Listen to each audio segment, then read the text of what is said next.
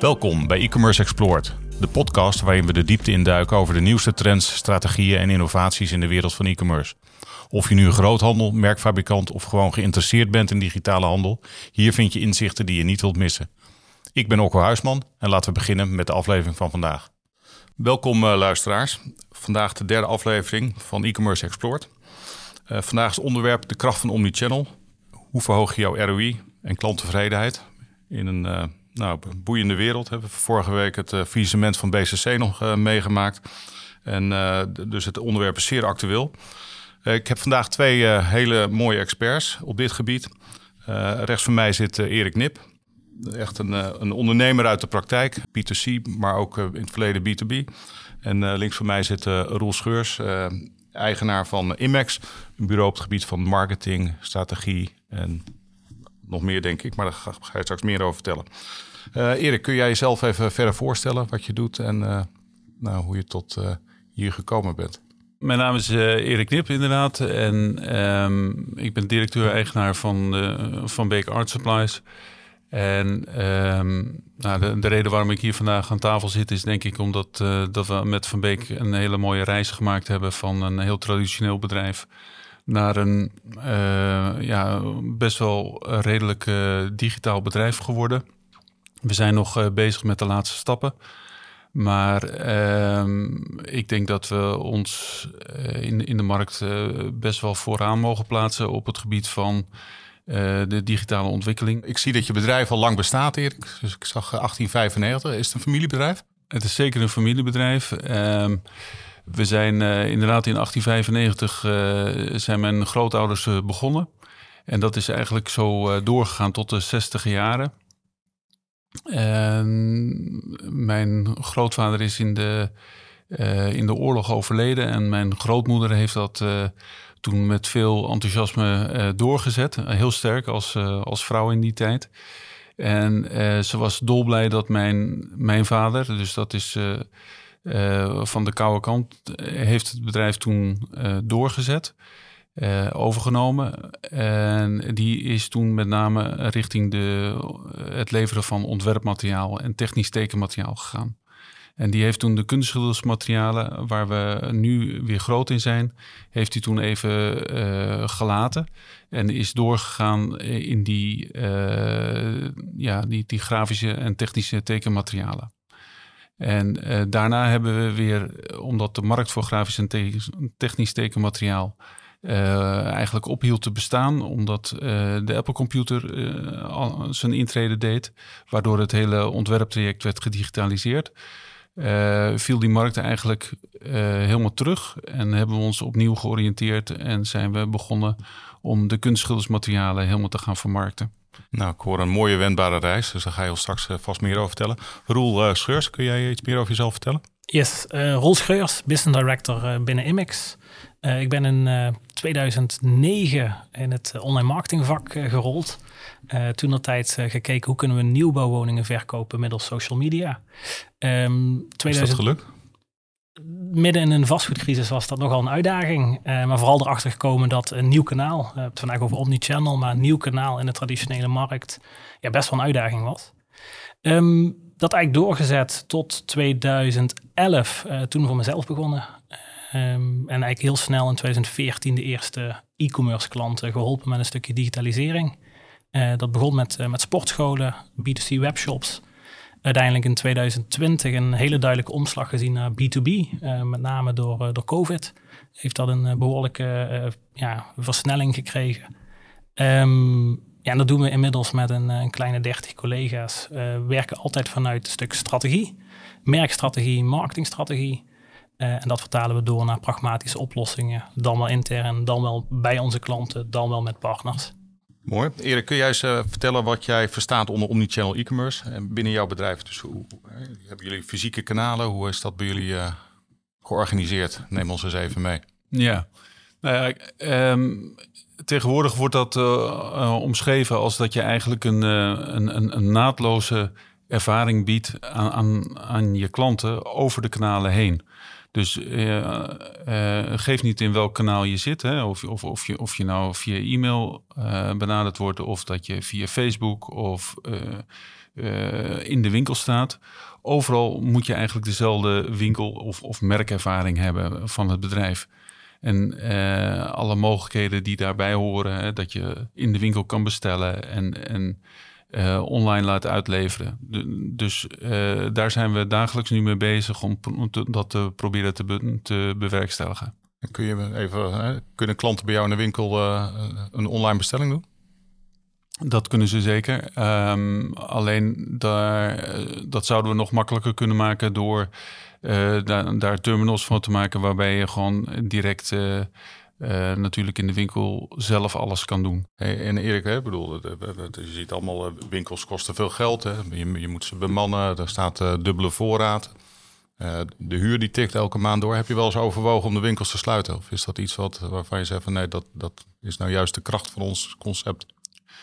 Natuurlijk, uh, uh, als je op een gegeven moment ziet dat de online omzet uh, zo hard stijgt, dan denk je van ja, dat is wel een enorme groeimarkt. maar de aard van de producten die wij verkopen ehm, maken dat wij in ieder geval denken dat we met die winkels doorgaan en dat we die juist ook op een andere manier gaan benutten. Dus waar we intern uh, over proberen na te denken is uh, hoe, hoe, we juist die winkels kunnen gaan benutten voor community. Hè, waar onze klanten zich juist thuis voelen en advies krijgen. Want dan, de adviescomponent is een hele belangrijke factor in, in, in onze klantbenadering. Ja, duidelijk. Roel, kun jij eens iets meer vertellen over de, de omnichannel um, e-commerce en uh, omnichannel strategie binnen handelsbedrijven? Dus meer groothandel en iets verder op in de keten, fabrikanten. Hoe, hoe, hoe uitzicht dat? Nou, ik denk de, de uitgangspunten zijn hetzelfde als, als wat Erik vertelt. Uh, de klant centraal zetten. Dus kijken waar bevindt onze klant zich. en, en wat wij zien B2B is dat dat vooral vanuit accountmanagement gedreven werd, wordt. Eh, een stuk sales binnendienst, commerciële binnendienst. Um, maar vooral de repeterende taken daarin uiteindelijk gedigitaliseerd of geautomatiseerd kunnen worden. Um, daarnaast zien we ook wel een heel duidelijk uh, ja, uithangbord naar buiten toe als het gaat over marketing op productniveau met name. Um, ook wel op categorieniveau, maar met name op productniveau. de klant oriënteert zich vaak gewoon als een consument, net zoals wij. Ook al is het een zakelijke beslisser. Dus de zichtbaarheid op de online platformen waar die klant zich bevindt, ja, dat, uh, dat levert bijna altijd direct uh, ja, rendement op. Als je nu een advies mag geven aan een traditionele groothandel, hè, die daar nog weinig mee te maken heeft gehad en toch met de handen in het haar zegt van jou, hoe, hoe ga ik dat allemaal doen? Kun je daar eens jouw inzicht op geven? En dan uh, val ik deels in herhaling, maar uh, ik sta altijd voor begin bij je klant. Uh, ik verbaas me erover hoe vaak ik bedrijven tegenkom dat het gedeelte klant ja, toch iets is wat de laatste jaren in ieder geval niet strategisch besproken is. dus ga je klanten in kaart brengen. Ga met je klanten in gesprek. En ga je data analyseren. Dat is vaak een uitdaging, zeker bij de wat traditionelere bedrijven. Maar er zijn ook hele mooie databronnen beschikbaar met externe data. Bekijk waar bevinden die klanten zich. Maar Wat, goed, ik, ik zit als groothandel. Moet ik dan op Instagram of moet ik op, uh, op Snapchat? Op het moment dat jouw klant zich daar bevindt, absoluut. Uh, ja, ik hoor net Erik vertellen, wij zijn aan het kijken wat moeten we met onze kanalen. Uh, dan denk ik dat jullie toch behoorlijk creatieve mensen als, als klant hebben. Um, en dan denk ik bijvoorbeeld direct aan Pinterest. En dat zou bijvoorbeeld een validatie zijn in een stukje data. Van, hoe zijn nou die profielen die zich uiteindelijk oriënteren op dat soort kanalen ten opzichte van onze klantenportefeuille. En waar heb ik de meeste overlap? Ja. Erik, kan ik als klant eh, kopen bij, uh, via Pinterest bij Van Beek? Nee, nog niet. En zou je dat graag willen? Of denk je dat het uh, niet nodig is? Nou, ik heb dat aangegeven dat dat bij ons zeker nu bestudeerd wordt. in combinatie met een extern bureau. Um, en um, daar zien we wel natuurlijk mogelijkheden. Zeker omdat die klant daar zit. Hè? Dus, al, dus als, de, als je moet daar zijn waar je klanten zijn, simpel. Ja, vanuit de performance gedachte uh, testen. En uh, probeer het gewoon. Maar heb jij ervaring dat, dat, dat het nu goed het, uh, allemaal uit te testen is? Want we, we, werken nu ook met GA4. wat moeilijk te, te, implementeren is. dat heeft ons zeer veel tijd gekost om, om daar goede waarden uit te krijgen. En is dat ook goed eh, daaruit te halen? Heb jij daar goede ervaring mee? En dan krijg je een, een eeuwenoude discussie die, uh, waar ik met in ieder geval mijn vingers niet aan ga branden, maar dat heet attributie. En uh, dat betekent welke waarde ken ik toe aan welk kanaal. En hm. daar bestaat geen waarheid in. Dus mijn advies zou ook zijn, bepaal voor jezelf wat zijn nou de verschillende attributiemodellen die wij als bedrijf belangrijk vinden. Mm -hmm. Vergelijk die periodiek met elkaar om te kijken, zitten er nou grote verschillen in? Uh, als voorbeeld een uh, basis van een last click, of juist een lineair model, of een, uh, een data-driven model. Vergelijk die verschillende modellen met elkaar. Kijk of daar hele andere inzichten uitkomen. Uh, maar dat is een eeuwenoude discussie. Uh, ik hoor je, je technische achtergrond. Ja, um, ja waar uh, de meningen over verdeeld zijn. Um, en in mijn optiek geen centrale waarheid bestaat. Ja. Erik, jullie zijn dan actief ook in Duitsland en België. Nou, volgens mij hebben jullie daar geen winkels. Hoe, hoe kijk je dan naar Omnichannel? Heb, krijgen die klanten dan daar niet het advies? Of hoe, hoe, zie je, hoe kijk je daarnaar? Ja, dat is natuurlijk een, uh, uh, een andere benadering die je daar kiest. Uh, maar dat is uh, dan, dan ben je eigenlijk pure player. En ehm, proberen we het op die manier daar voet aan de grond te krijgen. En maar, waar we wel over aan nadenken zijn, is hoe, hoe kunnen we met kleinere winkels die veel lagere kosten hebben uh, straks dat wel benaderen. Maar tegelijkertijd, bijvoorbeeld Duitsland is, is een dermate groot land. Uh, je zou een winkel in, in München kunnen openen. Maar dan kan je de klant in Hamburg natuurlijk nog, nog steeds niet van advies van face-to-face geven. Dus je zal dat op een andere manier moeten invullen.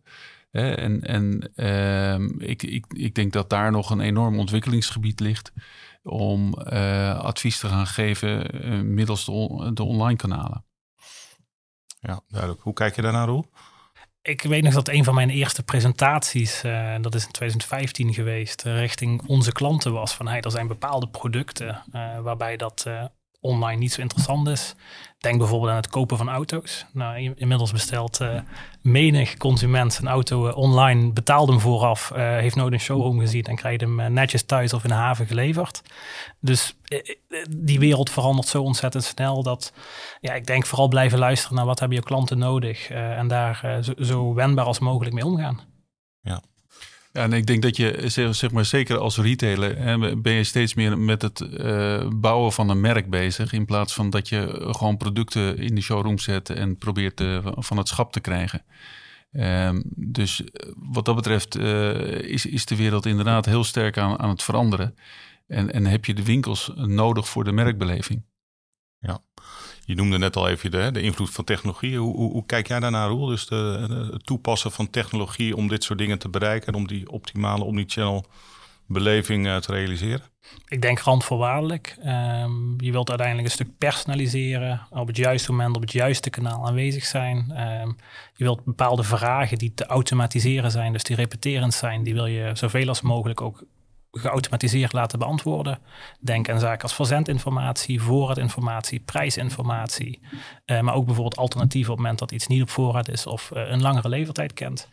Um, ja, en ik denk dat techniek daar een randvoorwaardelijk is. Um, er zijn bedrijven die proberen dat uh, handmatig op te lossen, maar dat is natuurlijk niet zo schaalbaar als, als een technische oplossing. Nee. nee, zie je dan nog wel eens misgaan in de praktijk bij, bij klanten van je? Dat proberen we natuurlijk te voorkomen. Dat, is, uh, dat is onze rol. Maar de techniek is uh, wel veelomvattend. Uh, en ook voor heel veel ondernemers en, en, en executives een, een, best wel een onduidelijk begrip. iets waar ze heel erg afhankelijk zijn van hun leveranciers. Um, en daar beginnen wij ook altijd mee om een stuk technische kennis en vooral een stukje digitale volwassenheid op, op ja, directieniveau te creëren. Zodat ze ook wel overwogen de juiste beslissingen kunnen nemen. Erik, je loopt al even mee. Voor mij eh, zit je al een aantal jaren, nou ben je bezig met het bouwen aan Van Beek. Als je met de kennis van nu, als je de tijd terug zou draaien, hoe, hoe, hoe, zou, je dan, uh, hoe, zou je dan anders hebben gedaan?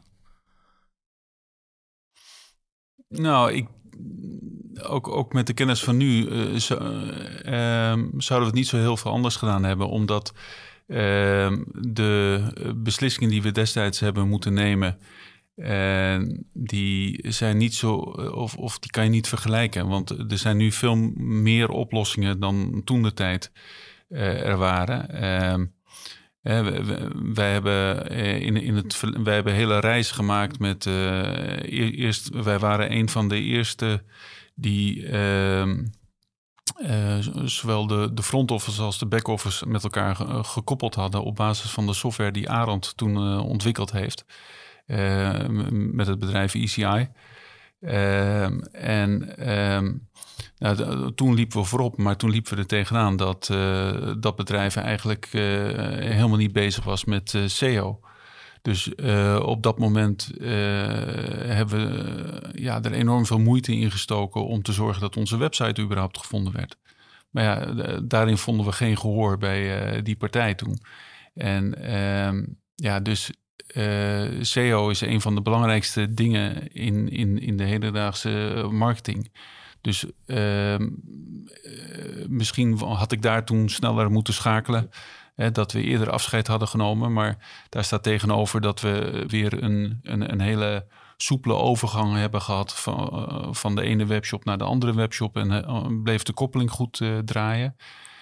dus over het algemeen ben ik best tevreden over de rustige uh, stappen die we genomen hebben, waardoor we niet zulke grote drama's hebben gehad die je veel hoort over Magento uh, gebruikers die overgestapt zijn naar Magento of, of, of, van Magento 1 naar Magento 2 moesten.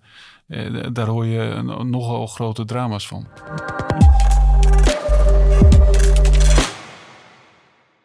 Zonder geïntegreerde omnichannel strategie riskeer je je marktaandeel en klant klantloyaliteit te verliezen. Ben je daarmee eens? Ik denk het. Eens. Eens. Onderbouwen? ja, graag. um, nou, ik denk dat heel veel markten uh, grotendeels verzadigd zijn. En dat wil ik niet zeggen dat ze helemaal niet meer groeien. Uh, maar niet zozeer als dat bijvoorbeeld een, een online kanaal groeit. Dus dat betekent uh, feitelijk dat omzet zich verplaatst. Nou, ben jij niet op die kanalen, kanalen aanwezig, dan betekent dat het verliezen van marktaandeel. Dus eens. Oké. Okay. Erik, nog wat aan toe te voegen? Ja, ik, ik, ik denk dat dat uh, een absolute waarheid is natuurlijk. En, en je, je moet daar zijn waar je klanten zijn. En, en, en, en waar zijn je klanten uh, heden ten dagen? Die, die zitten voor een grote, grote tijd zitten ze online. Op alle kanalen. Dus, dus als, als je ze ergens wil boeien met jouw merk, dan zal je daar heel veel moeite in moeten steken om, om, om daar al naar voren te komen. En welke kanalen ga je, ga je nog nieuwe kanalen starten de komende tijd? Of ga jij uh, kanalen intensiveren? Wat, wat, wat zijn je plannen? Nou, ik denk dat we uh, onze handen vol hebben om, om op dit moment. Uh, e-mail marketing is een heel belangrijk kanaal. Ehm, Facebook is, is Facebook en, en Instagram is, is natuurlijk op zich interessant. Maar, dat, maar dat, daar hebben we geen goede ervaring nog in om dat goed te kunnen meten. Uh, dus, maar is wel goed voor je merk, merk bouwen.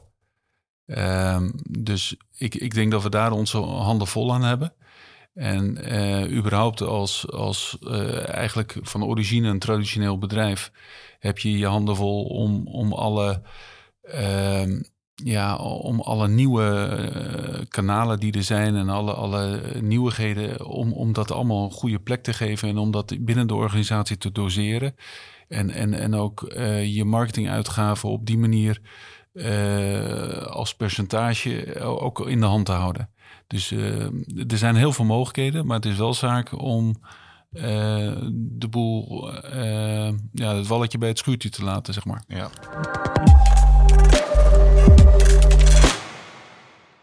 Hey eh, Roel, blik op de toekomst. Hoe ziet je de positionering van Omnichannel over vijf jaar voor je?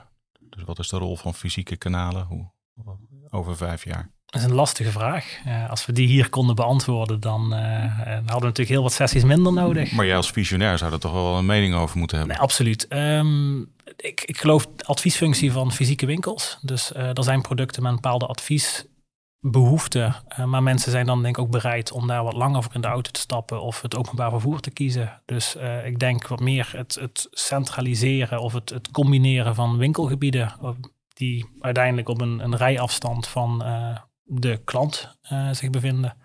Um, en dat is afhankelijk van het type product dichtbij of wat verder weg. Ehm, experience geloof ik ook heel erg in. Zeker producten die ehm, wat minder vaak gekocht worden. Ehm, denk aan, aan lifestyle, woninginrichting, uh, bedden, et cetera. Maar ook auto's. die trend zie je natuurlijk al. de, merken die online gebouwd zijn, dat die experience centers ja, ontwikkelen in de wat grotere steden. Um, ja, en daarnaast denk ik uh, heel erg de verschillende kanalen die zich online bevinden goed in de gaten houden. Ja. En de rol van de accountmanager over vijf jaar? Uh, waarde toevoegen. Waarde dat is uh, iets wat we als mensen volgens mij beter kunnen dan techniek. luisteren, aandacht geven, problemen oplossen. Ehm, maar vooral niet de repeterende taken op zich nemen. Maar goed, dat is makkelijker gezegd dan gedaan. Wat, wat moet daar dan voor gebeuren om dat te realiseren? Om ik denk een, uh, een, stukje visie ontwikkelen als, uh, als, als bedrijf, als merk zijnde. Uh, mensen opleiden. dus veel meer de adviesbehoeften gaan invullen dan dat ze, ja, grof gezegd, de faxbonnen komen ophalen en die gaan invoeren in een bestelsysteem. Um, ja, en waar nodig misschien ook die mensen vervangen.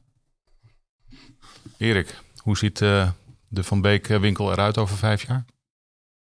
Is die anders? Nou, ik zat naar je te luisteren en um, ik, ik, ik, Ehm, kijk, jij benadert het uh, nog heel erg B2B. Uh, eh, ik, ik zit te, te, denken van, van, vanuit een winkelbedrijf, hè, die zeg maar een schakel is in de, in de distributie van fabrikant naar de eindgebruiker. En in ons speciale geval zijn er eigenlijk uh, brengen wij de, de klant uh, in vervoering eh, om, bepaalde spullen bij ons te kopen. En daar krijgen ze advies bij middels de winkels. Nou, die, die adviesfunctie die, die, die, gaan we dan ook proberen met z'n allen. Hè? Of, of wij dat nou doen of, of iemand anders dat doet. die, die gaan we proberen in te vullen om, om dat ook online te doen. Wat, wat gevaarlijk is voor een winkel, en dat zie je bij alle, alle winkelbedrijven, zie je dat eigenlijk gebeuren is, is, dat, is dat de traffic in, eh, in zo'n winkel, die, die, die zal op den duur, zegt men, hè, of dat zo is, dat, dat moeten we dan allemaal nog uh, gaan zien. Zegt men, gaat de traffic in die winkels gaat, afnemen, de huren gaan stijgen, uh, de loonkosten gaan stijgen. Dus het, het is een heel sneaky proces. het is een bijna een sluipmoordenaar binnen de detailhandel wat op, wat op dit moment plaatsvindt.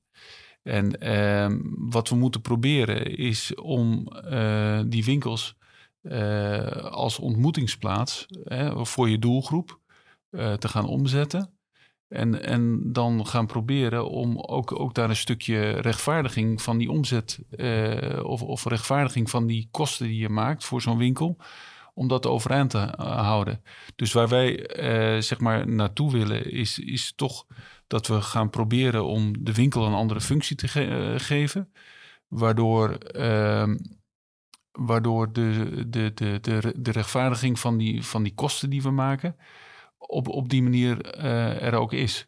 Kun, kun je dat iets meer toelichten? Ja, en, en, en, en, wat Roel zegt, de waarde voor de klant, dat, dat, daar gaat het om. Nou, de waarde van de klant, uh, zeg maar, is dat... Nee, de waarde voor de klant. Ja, de, de, dat die... Ehm, uh, nog sneller zijn spullen krijgt en op, op, een, op een voor hem aangename manier. En tegenwoordig uh, weten we allemaal van, van, van de hele snelle uh, leveranties van die flitsbezorgers.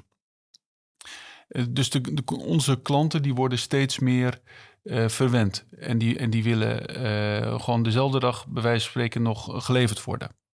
De vraag is of, of dat nou heel bepalend is voor, voor een consument.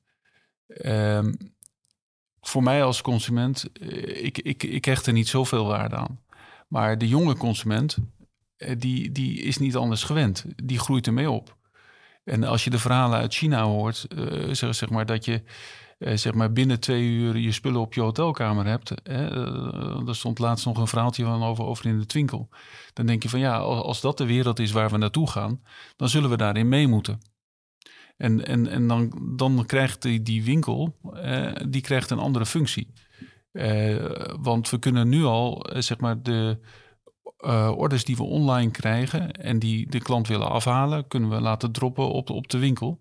Waardoor de, de, de winkel binnen een uur kan, kan zeggen, als ze de order gepikt hebben, van kom maar. Hè, de, de, dan, dan krijgt hij een berichtje op zijn telefoon van het ligt klaar voor u. Nou, en de volgende stap is dat je vanuit die winkel ook de klant gaat leveren met de fietscourier. Dus dat je de klanten uit, de, uit het verzorgingsgebied van die winkel op die manier heel snel gaat bedienen. Zonder dat het je nou extra geld kost. En het, het bijkomend voordeel is dat de, de winkel een stukje omzet toegerekend kan krijgen. Dus die, eh, ook, ook, ook de, de mensen die in de winkel werken, die kunnen op, op, op die manier hun werk blijven doen. Roel, nog iets aan toe te voegen? Ehm, ik vraag me af of het een, een duurzaam businessmodel is, die, die flitsbezorgers. Uh, ik kan me de discussie nog herinneren in de fashion-industrie uh, over de retourzendingen. Uh, volgens mij al tien jaar gaande en inmiddels zie je een omkeer dat inderdaad geld wordt gevraagd om retourzendingen te accepteren, dan wel in ieder geval niet meer gratis retourneren. Um, lastig om daar natuurlijk ook weer een visie op te ontwikkelen, maar ik vraag me af of op lange termijn een dergelijke infrastructuur houdbaar is. Um, en dan heb ik het niet over de hele ja, of dicht bevolkte gebieden, uh, zoals in China of misschien Amsterdam en in Nederland. Um, maar uiteindelijk om dat eh, globaal uit te rollen, denk ik dat een, een utopie is. Ja, ja.